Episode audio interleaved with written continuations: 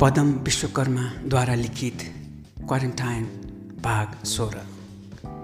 विनय काममा जान नपाएको महिनौँ दिन पुगिसकेको थियो। जमुनाको काम छुटेको पनि यस्तै महिना दिनभन्दा बढी नै भएको थियो। आफ्नो पाउनु पर्ने छुट्टी पहिल्यै सकिएको थियो। कम्पनीबाट काममा आउनु भनेर खबर आइरहे। त्यस्तो अवस्थामा विनयका बुढाबुढी काममा जान सक्ने अवस्था थिएनन्। नगएपछि जागिर दुई हप्ता पहिले नै चट भइसकेको थियो। यतातिर त जागिर पाउन र जान बेरै लाग्दैन। अन्तिम पेचेक केही दिन अघि मात्र बिनेको मेलमा आएको थियो। जमुनाको कामबाट त झन् पहिले नै आएको थियो। एकपछि अर्को गर्दै दुवैजना कामबाट निकालिएका थिए। अमेरिकाको जीवन पेचेक टु पेचेक। अर्को पेचेक आउनु पहिल्यै पैसा सकिएर आथो आथो पर्छ। घरको मोर्गेज बिजुली पानी खाना phone credit card insurance car payment एकमाथि अर्को बिलै बिल क्रेडिटै क्रेडिटमा टिकेको उधारो जिन्दगी। कति मानिस त काम छुटेको भोलिपल्ट नै होमलेस भन्न बाध्य हुन्छन् अमेरिकामा। काम छुटेको भोलिपल्टदेखि नै पैसा आउन रोकिन्छ। पैसा आउने मुहान बन्द भएपछि घर भाडा तिर्न सक्दैनन्। भाडा नतिरेको महिनापछि होमलेस। होमलेस हुन कति पनि बेर लाग्दैन यहाँ। नेपालमा त झुप्रो नै किन नहोस् घर नहुने मान्छे हुँदैनन्। आफन्त कोही न कोही हुन्छन् कसै न कसैको ओत दिन्छन् घर भनेको घर हो झुप्रो किन नहोस्? घरको अनुभूति ओत लाग्ने ठाउँ रात बिसाउने ठाउँ। यतिखेर निष्ठुरी समयले कोल्टे फेरेको छ। काम नभएकाले उसको घर व्यवहार टाट पल्टिँदै गएको थियो। अरूहरूको जस्तै कामै नगरी त कसरी चल्छ अमेरिका जस्तो महँगो ठाउँमा जिन्दगी। विनय कामको खोजीमा धेरै कम्पनी र अफिसको ढका ढकढकाउनु पुग्यो। उताको जस्तो भनसुनमा काम पाइने पनि होइन यता। कोरोनाको बढ्दो आतङ्क र राज्य सरकारको निर्णयअनुसार धेरै कम्पनी र व्यापारहरू बन्द गरिएका थिए।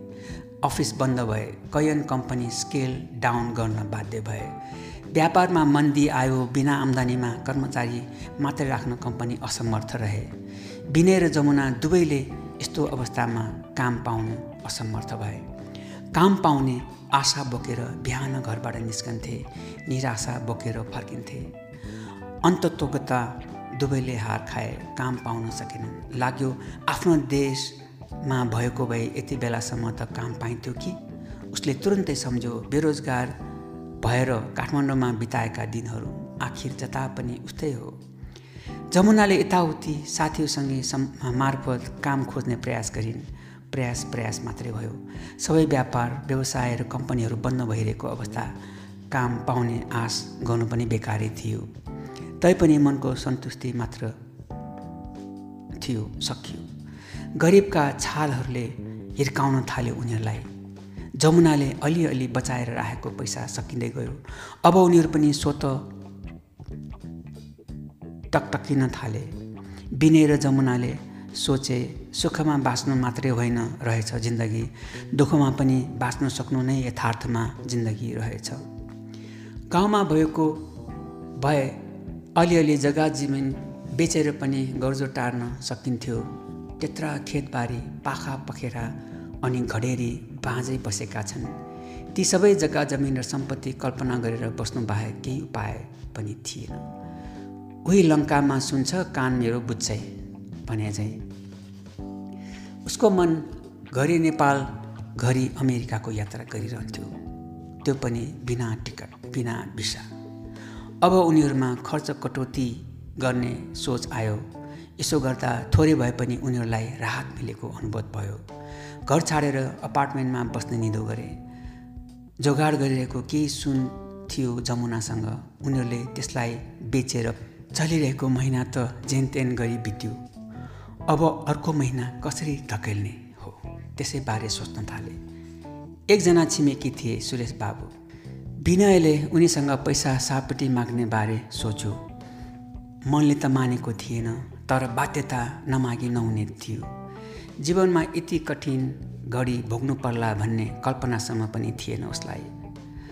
कोरोना भाइरसले सिर्जना गरेको महाभारत हो यो। म एक्लो नभएर अमेरिकाभरि म जस्ता थुप्रै छन्। सायद अन्य मुलुकमा पनि आर्थिक समस्याले थुप्रै मानिस विचलित भएका होलान्। विनयले आफैलाई सोध्यो म जस्तै दुःख पाउनेहरूको सङ्ख्या कति होला? म जस्तै काम गुमाउनेहरू कति होलान्? घर गाडी गुमाउनेहरू झन् कति पो होलान्? यो भयावह स्थिति नहटेसम्म करोडौँ मानिस आर्थिक सङ्कटको पहरोले थिचिन बाध्य हुनुपर्नेछ। बा ठिकै भन्थे। सुखमा नमातिनु दुःखमा नहातिनु परिस्थिति जस्तो सुकै होस् मनस्थिति भने अब्बल बनाउन सक्नुपर्छ। यही सम्झेर पनि विनय बिल्कुल आत्तिएनन्। Thank you.